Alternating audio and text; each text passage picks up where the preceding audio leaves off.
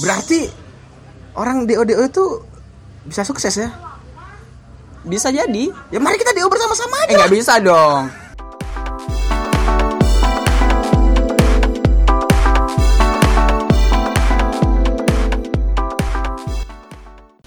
Yo, selamat sore. Udah record. Udah dong. Halo. Kembali lagi podcast hari ini menghibur Anda. Waduh. Bersama saya Valigian. Eh kebalik, Mas. Tolong. Bersama saya Theo Nanta. Valegian di sini juga. Dan senang sekali pada sore hari ini kita bisa eh, menemani Anda semuanya. Iya. Maaf ada distraction barusan. Ya ampun. Ya udah, langsung aja gimana kabarnya? Baik ya, baiklah. Baik dong. Kami juga baik mencoba meraih jumlah pendengar yang masih dua digit tapi tidak masalah. Evaluasi dong ada berapa? Waduh, evaluasi rapat panitia tak? ada berapa sih pendengar kita sampai dengan saat ini? Kapan ya? Oh belum nonton lagi ya? Dia- Eh, belum nonton, belum belum ngecek lagi ya? Mas masih under 50. Nggak apa-apa masalah, lah. nggak masalah. Daripada gak ada sama sekali ya kan. Iya, dan Iya. jangan lupa untuk selalu dengerin kita di podcast Di hari SoundCloud. Ini, Eh, SoundCloud. sekarang podcast hari ini sudah ada di iPhone dong. Sudah ada di iPhone. serius loh. Iya. Sejak kapan? Sejak saya ngupload itu waktu itu. Iya, iya, sudah iya, ada iya, di iya, iya. podcast yang ada di iPhone. Oke, jadi buat Tadi- kamu para pengguna iPhone gadget bergambar apel kroa, silahkan ya dengerin podcast kita ya di podcast hari ini. buka podcast search podcast hari ini kita juga ada di situ dan ya obrolan kita yang minggu kemarin kayaknya seru banget loh Seru banget. Seru Banyak banget sekali itu. yang yang yang kasih testimoni meskipun mereka nggak muncul di iya di komentar-komentar di bawah itu loh. Iya. Rekaman kita. kadang kayak mereka nggak nggak ikut kayaknya nggak dengerin tapi iya juga ya lagu anak penting segala macam dengerin nggak enggak sih waduh kampret orang-orang kayak gini nih tapi nggak apa-apa lah termasuk jangan ingin meraih fame lah ya Iya, ter- ter- termasuk ini para orang tua orang tua ya yang udah Iya. mulai resah juga ternyata dan Iya, memang ternyata sebenarnya keresahannya tuh Iya. sama aja. baiklah kita akan membawa topik yang lebih berat lagi pada hari ini wes Ih. nggak berat ya Enggak sebenarnya nggak berat sih, cuman bisa dikatakan berat, cuman bisa dikatakan nggak berat juga gitu loh. Yang karena kan yang berat cuma rindu. Waduh, rindunya Dilan. ya, sudah kodian sekali ya jokes Iya, iya, iya, iya, Dilan itu. Baiklah, kita langsung masuk saja hari ini. Podcast hari ini. Eh, hari ini kamu rasa sama apa, men? Iya, jadi hari ini tuh resahnya sih udah dari beberapa waktu yang lalu, cuman termanifestasikan. Oh. Udah bertahun-tahun soalnya. Oh, terus kenapa nih? Ada kejadian apa nih yang membuat kamu akhirnya kayaknya aku resah banget sama hal ini gitu? Kan sekarang lagi musim ujian nasional kan? ya baru ya baru kemarin selesai. Iya, baru kemarin Nah, selesai. UNBK kemarin Harusnya harusnya yang resah kan para adik-adik kita Oh, yang iya. SMA, tapi ternyata Iya, iya. impactnya sama aku juga. Oh kan gitu. adik, adikmu ya yang SMA ya? Nah, dari Oke, situ. iya. Oh berarti ini pasti gara-gara adikmu nih. Nah. kenapa nih? Berbuat apa Beli adik- kunci jawaban nggak? Nggak. Enggak. Dapat SMS pagi-pagi. Oh, mantap. Oh, lanjut lanjut. Kenapa Jadi tuh? gini, eh, adikku tuh kan eh, sebetulnya dia dari sejak awal awal tahun kemarin tuh kan pengennya tuh waktu aku sempat tanyain dia, lo mau habis ini mau ambil kuliah apa gitu. Dia pengennya Oh, udah mau daftar-daftar kuliah juga ya? udah udah mulai Oh, research. SNMPTN, SNMPTN. Bukan SNMPTN, itu zamanku. Sekarang Eh, SBMPTN, SBMPTN sekarang. Beda SBMPTN? lagi, sama aja tapi istilahnya. Ya, pokoknya daftar kuliah yang undangan Iya, itu kan ya. eh, eh, oh iya. oke oke. Nah, adikku dulu tuh kan pengennya masuk kedokteran. Hmm. Oke, Dulu itu kamu nanya kapan terakhir? kelas 2 SMA. Oke, ya tahun lalu lah. Iya. Tiba-tiba nih, Iya. kan eh, apa laptop aku kan aku share sama adik aku Hmm. gitu. Karena emang ya gitu deh. Nah, beberapa waktu yang lalu aku tuh kan buka buka buka laptop terus iseng aja sih aku lihat downloadan kok ini downloadan banyak banget ya kayaknya Hmm. aku nggak pernah download download. Nah, ada satu file di mana di situ tuh filenya adikku. Sebenarnya sih nggak curiga banget ya. Udah aku Hmm. Iya. tinggal ngeklik Adikmu cewek apa cowok sih? cowok. Oh, siap. Nah, adikku itu tiba, uh, aku tiba-tiba ngeklik filenya adikku, dan ternyata Hmm. terpampang lah itu kartu ujian SBMPTN-nya dia. Oh, kartu Kaget. pendaftaran itu ya? Iya. Oh, dia daftar ke mana emang? Kaget aku. Masa dia mau jadi perawat? Oh, meneruskan jejak kakaknya ya. Itu Bagus dia. dong berbakti pada keluarga aku dong. nggak masalah, aku Oh, nggak iya. masalah. Cuman kok kayaknya melenceng banget gitu loh. Ya nggak melenceng lah kalau awalnya dia pengennya jadi dokter terus ternyata dia menurunkan standarnya mungkin kan atau gimana kayaknya aku lebih jadi perawat aja gitu. melencengnya itu karena memang antara kesehariannya dia sama apa Oh, yang dia inginkan tuh gitu. kayaknya bertolak belakang banget men Emang gimana men? Aduh, aku nggak enak jadi kayak aku membuka aib adikku sendiri. Wah, adekmu aib. Ya janganlah kalau aib jangan dimarubar lah. Jadi Ya, pokoknya perilakunya jauh, menurutmu jauh tidak- dari PHBS lah perilaku hidup bersih dan sehat gitu. jauh sekali. Oh iya. iya. Gitu. Sementara eh, apa jurusan yang diambil itu ada jurusan yang, Yang hidup sehat Hidup banget sehat ya. banget, Oh, kesehatan iya. sekali Oke, oke, oke, gitu. oke. Nah, habis itu akhirnya dari situ aku tuh yang pertama tuh aku tuh kaget, yang kedua itu speechless. Hmm. What? Adikku mau masuk perawat gitu. Itu pilihan yang pertama perawat, men. Hmm, Yang, yang kedua? kedua? jadi farmasi. Oke. Ya mungkin so- aku berharap dia jadi farmasi aja deh, jadi apoteker gitu daripada jadi di perawat. Jangan bang, jangan jadi apoteker. Kenapa? Tukang obat. Nggak masalah. Oh, iya sih. Duitnya banyak daripada perawat. Oh iya, oh iya ya, ya, maaf dong, saya nggak tahu dong. itu nah akhirnya dari ketidaksengajaan non melihat apa kartu ujian adikku aku akhirnya ingat sama film Hmm, India film? Three Idiot pernah tahu film itu nggak Tahu sih? nggak hubungannya apa nih sama adekmu nih? nah aku takutnya adikku itu dia apa ya mendapatkan intervensi dari luar untuk Ah. memilih hidup sebagai perawat Oh, Padahal sebetulnya kira siapa nih yang intervensi? aku nggak tahu Waduh. aku nggak tahu anonim lah ya Oh.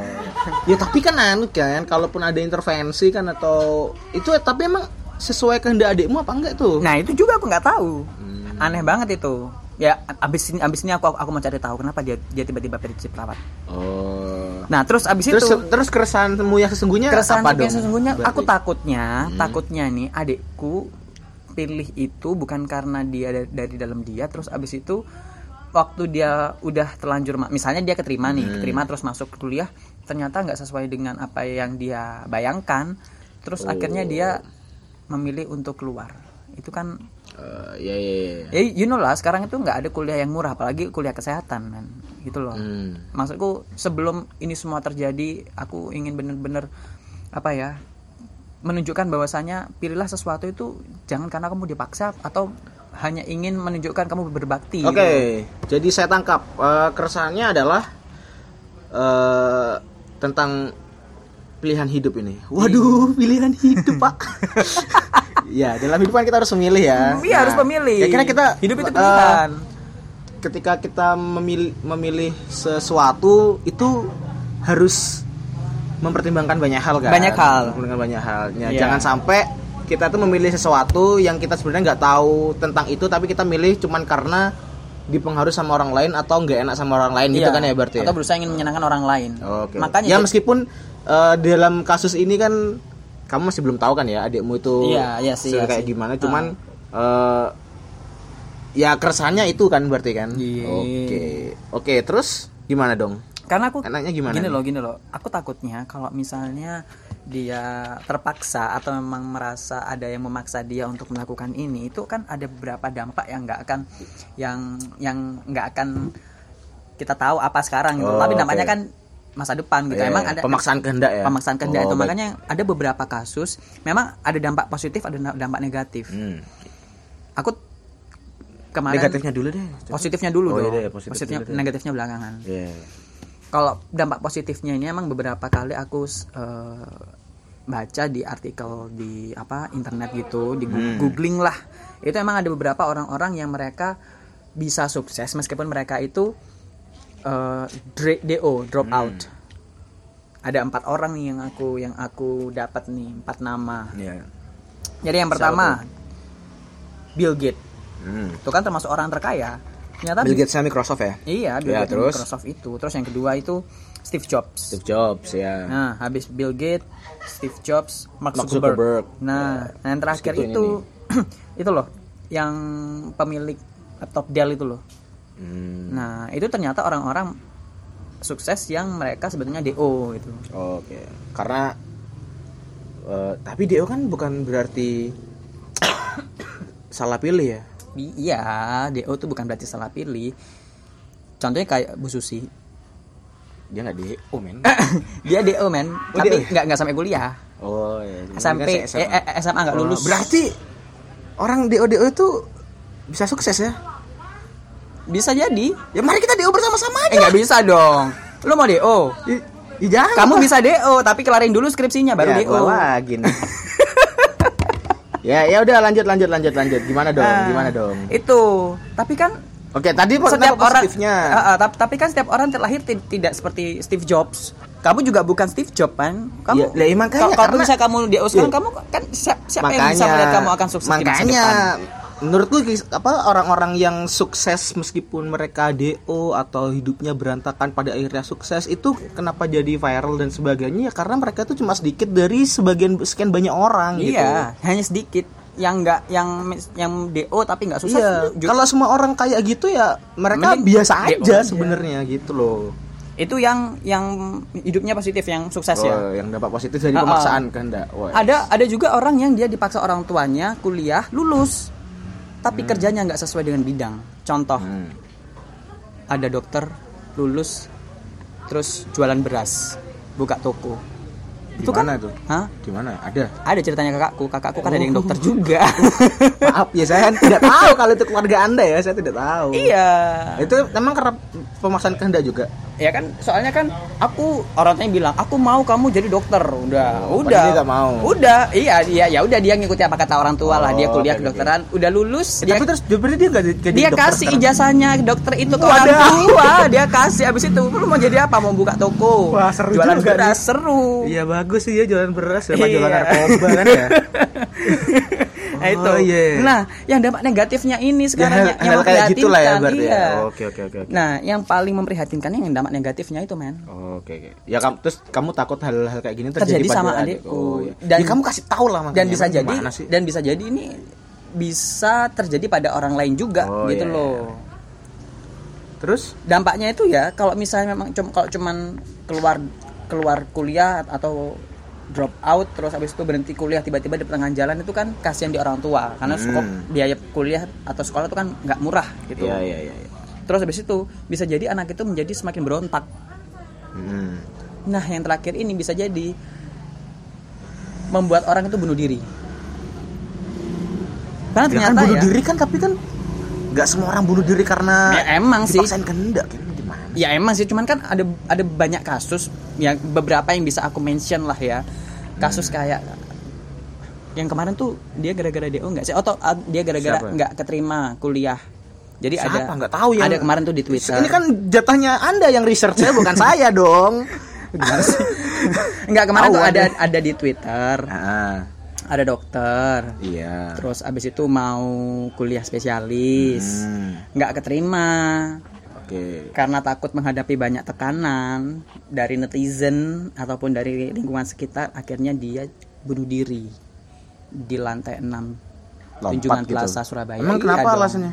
nggak keterima Ya gak keterima kan bukan berarti karena dia dipaksakan kehendaknya dong sama orang tua. memang tapi kan Belum di tentu. kasus yang lain di kasus yang lain itu eh, kebanyakan mereka tuh kan nggak hanya dipaksa sama orang tua lah tapi dipaksa apa ya meskipun mereka terus mereka dipaksa sesudah dipaksa terus habis itu banyak tekanan entah itu dari lingkungan merasa bahwasanya dia dia tuh gagal menjadi seorang anak kayak gitu gitu loh Ya ya ya ya. Ya pokoknya kamu emang bacanya di mana sih dampak positif negatif segala macam tadi? ini itu? ada salah satu Ya dibaca sumbernya dong. Aduh, Anda ini tidak terdidik ya memang ya. Kalau makanya aku mau sekolah lagi penelitian, tolong dibaca aku mau, dong aku mau kuliah di lagi mana. S2 jadi penelitian yang dilakukan oleh Dewi Ratnasari di tahun 2000 berapa ini 2000 nggak ada tahunnya ini gimana sih orang ini masa bikin beginian nggak ada tahunnya Ya, ya, Dewi. Ratnasari dan kawan-kawan ini kan meneliti dampak Judulnya psikologis dampak psikologis mahasiswa yang dipaksa orang tua dalam memilih jurusan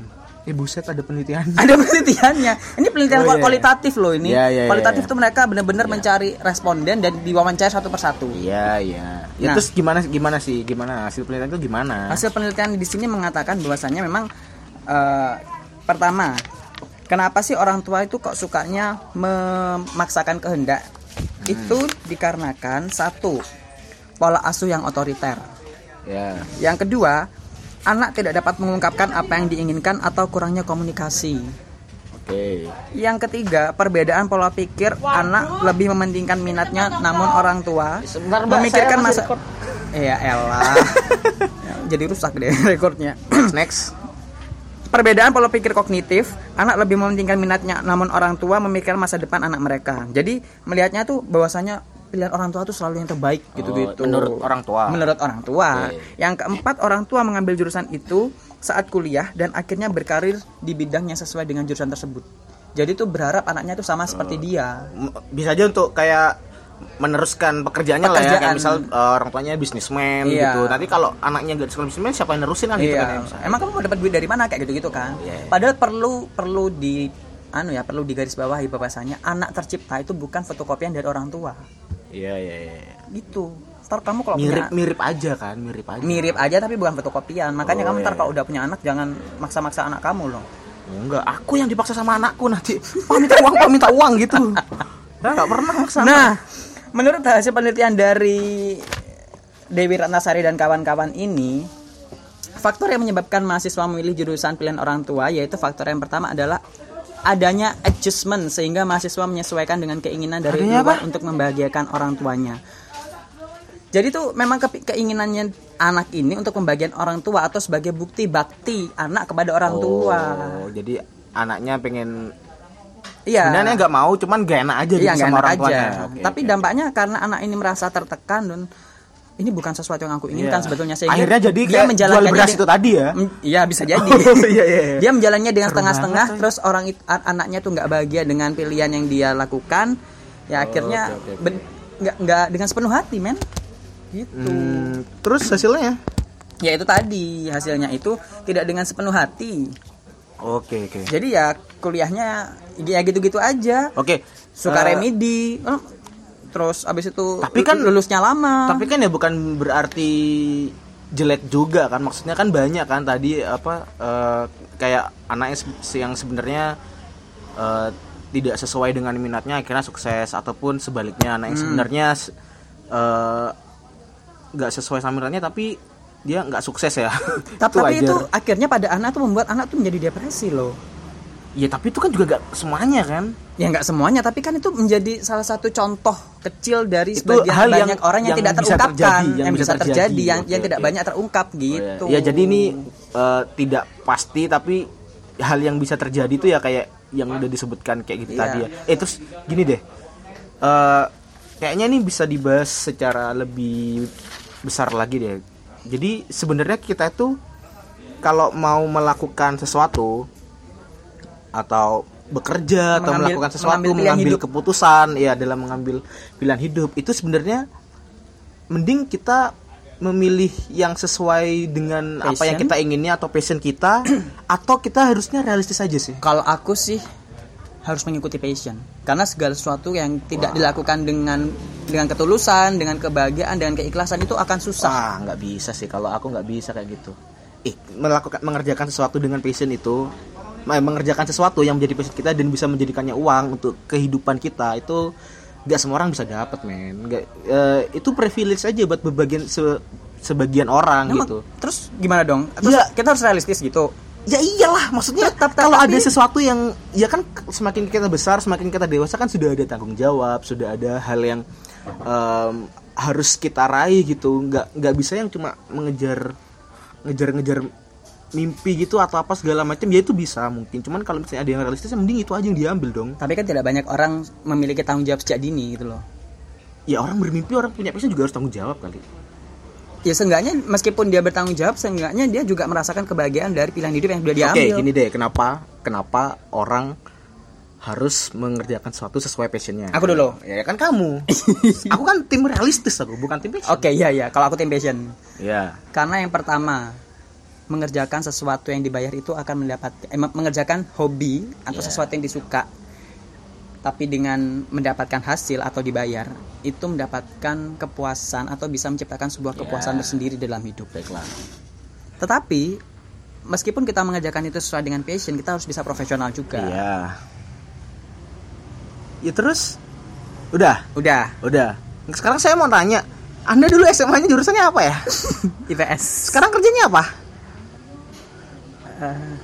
Tukang suntik orang Tuh, kan? Si, iya kan? Pada akhirnya pada akhirnya kita tuh harus gimana pun passion ya passion itu dikerjain ya udah nggak apa-apa tapi nggak harus semua uh, passion kita itu nggak harus harus tidak harus selalu menjadi tumpuan hidup kita di situ kalaupun emang kita bisa ngejar hal itu ya nggak apa-apa syukur gitu tapi kalaupun misalnya enggak ya udah jangan cep- jangan berkutat di situ aja karena nggak ke mana-mana ya gitu emang loh. emang pada dasarnya emang kita harus bisa apa ya eh, mengimplementasikan rasa syukur dalam kehidupan termasuk itu dengan di dalam eh, pilihan hidup kita gitu loh tapi ya kalau menurut aku ini juga berat sih bagiku. Iya. perjuanganku berat untuk bisa benar-benar mencintai profesi yang saat ini aku geluti. Waduh. berat banget loh. Iya, dan iya. orang-orang tuh nggak nggak akan tahu masalah itu. Orang-orang itu menutup mata. Mereka tuh hanya taunya Theo sebagai seorang perawat. Theo yang seorang sukses. Theo Ya, yang ini Theo maaf pak. ini ini kita bikin konten podcast hari ini yang bukan sorry, syuting sorry, Mama Dede. Jadi mohon maaf ya. Jadi bisa tolong agak dikendalikan ya pak ya Ya oke oke oke. Itu kalau aku, Iya. aku kalau menurut tim passion. Kalau kalau tim realistis gimana? Ya itu tadi ya meskipun kalau aku sih meskipun eh, kita nggak harus harus banget ngejar passion dan menjadikannya itu tumpuan hidup tapi aku setuju kalau misalnya dalam mengambil keputusan kita tuh nggak boleh banget eh, keputusan itu kita ambil karena pengaruh atau dari orang lain atau mungkin kita kita tuh mengambil suatu keputusan yang penting cuma cuma karena kita tuh nggak enak sama orang gitu kalau mungkin kita punya utang budi gitu kayak itu mungkin ya mungkin bisa sih jadi kayak eh, apa bahan pikiran gitu soalnya dia dulu pernah, pernah gini nih gitu tapi kalau apa ya kalau bisa karena intervensi orang gitu karena orang lain menentukan ya ya ini kan pilihan kita hidup kita mereka tuh nggak ikut jalanin pilihan hidup kita bentar, gitu bentar, loh. bentar. By the way tadi kamu ngomong utang budi, aku jadi tersentuh di situ men. kenapa men Oke kita skip aja. apa sih gak jelas ini Enggak kan tadi kamu bilang kalau misalnya kita punya utang budi itu akan menjadi membuat kita mengambil pilihan itu karena kita merasa punya utang budi sama orang lain itu kan. itu menyentuh banget buat aku. nah iya makanya enggak maksudnya kan kalaupun misalnya kita punya utang budi ya kita eh, pasti kita harus memikirkan itu juga gitu Ya. loh. tapi kalau misalnya kita kenal kenal juga gak kenal kenal banget gitu. Terus dia kayak gak terlalu berarti di kehidupan kita gitu. Ngapain mau dipengaruhi sama orang kayak gitu kan? Mending ya udah eh, jalanin hidup kita hidup hidup kita juga kan. Cuma dan apa kalau mengambil keputusan itu eh, pertimbangkan aja dampaknya ke kamu sama orang-orang yang mengasihi kamu itu kayak gimana gitu loh.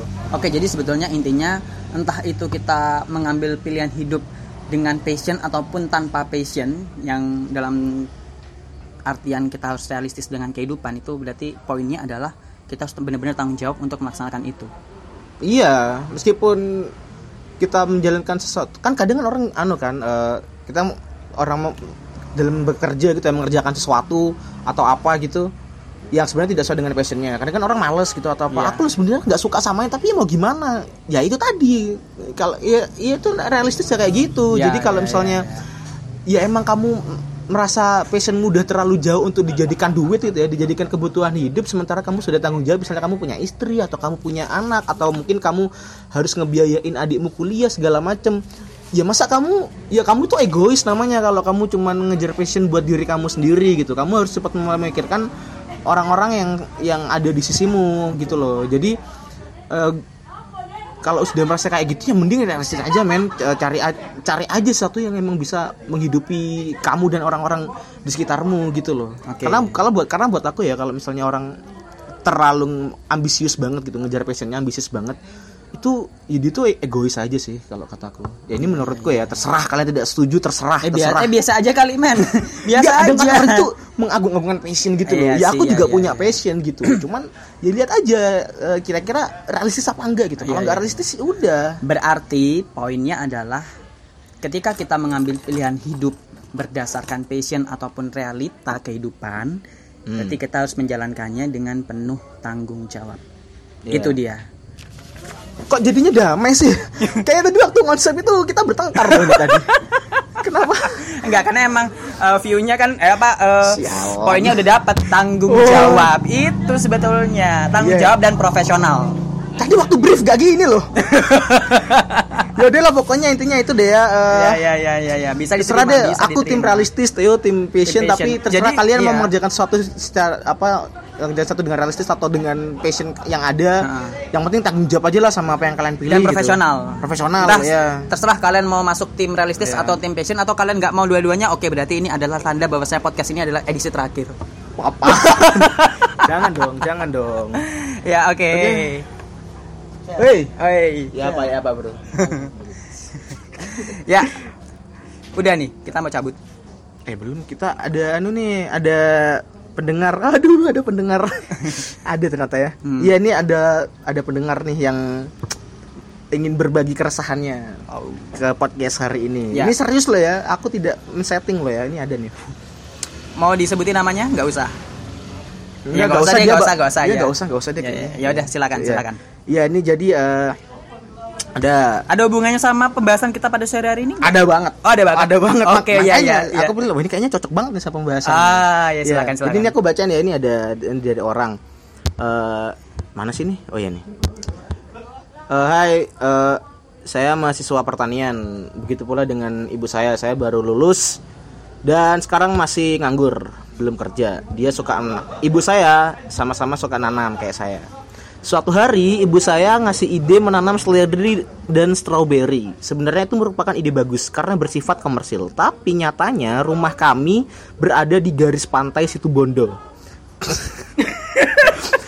Iya, iya, Bentar, terus, terus, terus. Saya sudah menjelaskan bahwa itu merupakan hal yang sia-sia dan tak berujung. Tapi dengan kekuatan the power of emak-emak ibu berkata, terus lapo kon lulus di pertanian lek mek mau pening ngono koyo ngenean ae gak iso jan. Berarti itu ba- bahasa Indonesia gini ya. Terus kamu ngapain itu sekolah-sekolah pertanian tapi kamu bikin stroberi tan anu tumbuh di sini aja nggak bisa Ya, gitu itu ya. sama halnya dengan pemaksaan Oke. seperti nanam pa- nanam padi dan disiram air garam gitu kan jadi tiap pagi siang dan sore saya harus nyiram tanaman tersebut saya nggak ngerti nih maksud ibu saya seperti apa apakah dengan memaksakan kehendaknya terhadap tanaman itu merupakan hal yang membagikannya entahlah sekian Agak konyol juga sih. Ya, karena ada hubungannya kan dia, merasa dipaksa oleh Iya. ibunya untuk menumbuhkan stroberi di garis pantai Situbondo. Jadi sebenarnya gini ya, kalau kalau tadi kita kan eh, kalau tadi kita membahas orang tua yang memaksa anak untuk sekolah. Iya. Kalau ini enggak, Iya. orang tua memaksa anak nanam stroberi di bibir Iya. pantai. Iya, dan, dan dia ngerasa capek karena dia udah kan dia yang menjelaskan gitu. Iya, iya, iya. iya. Terus, Ya, terus, terus. ini- Kalau- ini- ini kalau- gini, kalau- gini, kalau gini. menurut kamu gimana? Menurut kamu gimana? Kan kamu ini- an- anak pertanian nih, Iya. silakan. Silakan kamu jelaskan Iya, secara teori. Ya, ini eh, ini yang belum tahu ya s- syarat tumbuh tanaman stroberi itu eh, ini menurut Balil Jestro, Balai Penelitian Tanaman Jeruk dan Subtropika kalau nggak salah. Aku pernah magang di situ soalnya. Eh, ini di bawahnya Litbang Pert- Kementerian Pertanian. Oke. Nah, nih eh, lokasi yang baik untuk stroberi adalah di ketinggian 1000 sampai 1500 meter di atas permukaan laut. Suhu udara 14 sampai 24 derajat Celcius dan kelembapan yang relatif tinggi dan tidak mengalami suhu dan kelembapan yang ekstrim. Hmm. Nah, jadi eh, sebenarnya meskipun strawberry ini perlu pen- terus juga strawberry ini perlu pen- lama penyinaran matahari itu selama 8 sampai 10 jam. Ya. Nah, kalau di daerah sana itu ya sebenarnya tidak ada masalah dengan lama penyinaran matahari. Masalahnya kan suhunya ini loh. Strawberry itu kan biasanya di ditanam Suhu di yang dingin ya. Iya, yang sekitar 14 sampai 24 derajat gitu. Iya, Ini iya. di garis pantai. Kok kalau di gadis pantai kira-kira suhunya sampai berapa? Ya sekitar ya pasti sekitar lebih dari itu hampir nggak hampir layak 30 banget ya. gitu. Sebenarnya bukan gak layak kalau berdasarkan yang saya pelajari sih ya. eh, Tanaman itu bisa aja tumbuh, Iya. cuman nggak maksimal Oh, gitu. oke, oke, potensial. nah, jadi untuk menjawab pertanyaan, saya tidak mengerti apa maksud ibu saya seperti apa. Ya saya juga gak ngerti sebenarnya. tapi kayaknya tapi kayaknya aku punya teori nih kenapa kenapa kamu disuruh untuk Nanam na- stroberi. untuk nanam stroberi Hmm. di habitat yang nggak ideal buat tempat pertumbuhan stroberi. Kenapa? Ya ibumu itu iseng aja gitu. Enggak, soalnya kamu udah lulus, udah lulus, udah lulus sebagai sarjana pertanian, Hmm, ya. masih nganggur kan, Ya. masih di rumah gitu. Oh, Terus oh, ini udah lulus ya. udah lulus, dia Ya, udah terus, lulus. Terus, terus. ya ibumu, ya ini anak kok udah lulus gak ngapa-ngapain ya. Ya udahlah, eh, kamu nanam stroberi aja. Nah ini akan menciptakan situasi di mana kamu itu ya, kalau gak nurut, Heeh. gak nanam itu dibilang anak durhaka. Atau anak yang waktu kuliah bolosan. Nah iya. Yang Tapi kedua? kalau misalnya kamu nanam, ya itu perbuatan yang sia-sia. Impossible dong. Iya, makanya kalau kataku ya itu emang karena ya ibumu tuh iseng aja sih sebenarnya sih. Makanya cepetan cari kerja dong, jangan jadi beban negara dong. Itu kalau menurut Tuh, kamu. Iya. Kalau menurut aku kayaknya nih, kayaknya Hmm. ibunya dia ini sudah punya pemikiran untuk nanam stroberi di pantai bahkan sebelum anaknya itu masuk kuliah. Maksudnya gimana tuh? Ya jadi ibunya peng- pengen nanam stroberi. Heeh. Tapi karena nggak tahu caranya, Iya. anaknya disuruh kuliah pertanian. Buset. Jadi ibunya in- investasi Iya. banget ke anaknya ini kan. dia dia jadi dia mau nanam strawberry. Iya. Biasanya orang tuh menginvestasikan duit itu Iya, atau apa tuh Iya. cari lahan segala Iya, macam. dia lahan menginvestasikan anaknya Iya. untuk berkuliah selama empat tahun. Supaya bisa tanam stroberi Setelah anaknya lulus, di rumah. biar bisa nanam strawberry Iya. di tempat yang di tempat anaknya belajar ini tempat itu it doesn't exist at all gitu loh. Iya. Ya itu sama aja, itu berarti ibunya tuh iseng aja makanya. Nih nih, nih aku kasih solusi ya. Solusinya adalah kamu kan merasa merasa dipaksa gitu kan sama orang kamu kan. Iya. Kamu merasa dipaksa, kamu merasa aku kan eh, udah yang kuliah kan aku, kenapa nggak ada yang percaya sama aku gitu kan. Iya. Udah itu karena ibumu tuh iseng sama kamu. Solusinya adalah cari kerja, udah dapat kerja, selesai. Udah, itu masalahnya. si Miss Anonim demikian pembahasan kita sore hari ini menurut eh, sesuai dengan keresahan yang kamu rasakan. Iya. Eh, ngomong-ngomong pilihan hidup, kamu udah nikah belum sih? Belum ya? Belum lah masih 22 tahun. Masa dia 22 disuruh cepet nikah cowok lagi. Ya udah. Ngomongin pilihan hidup yang dipaksa Ya sama orang tua, kamu udah lulus belum? Eh, tapi aku gak dipaksa sama orang tua untuk lulus ya. Oke, Tolong. selamat sore semua.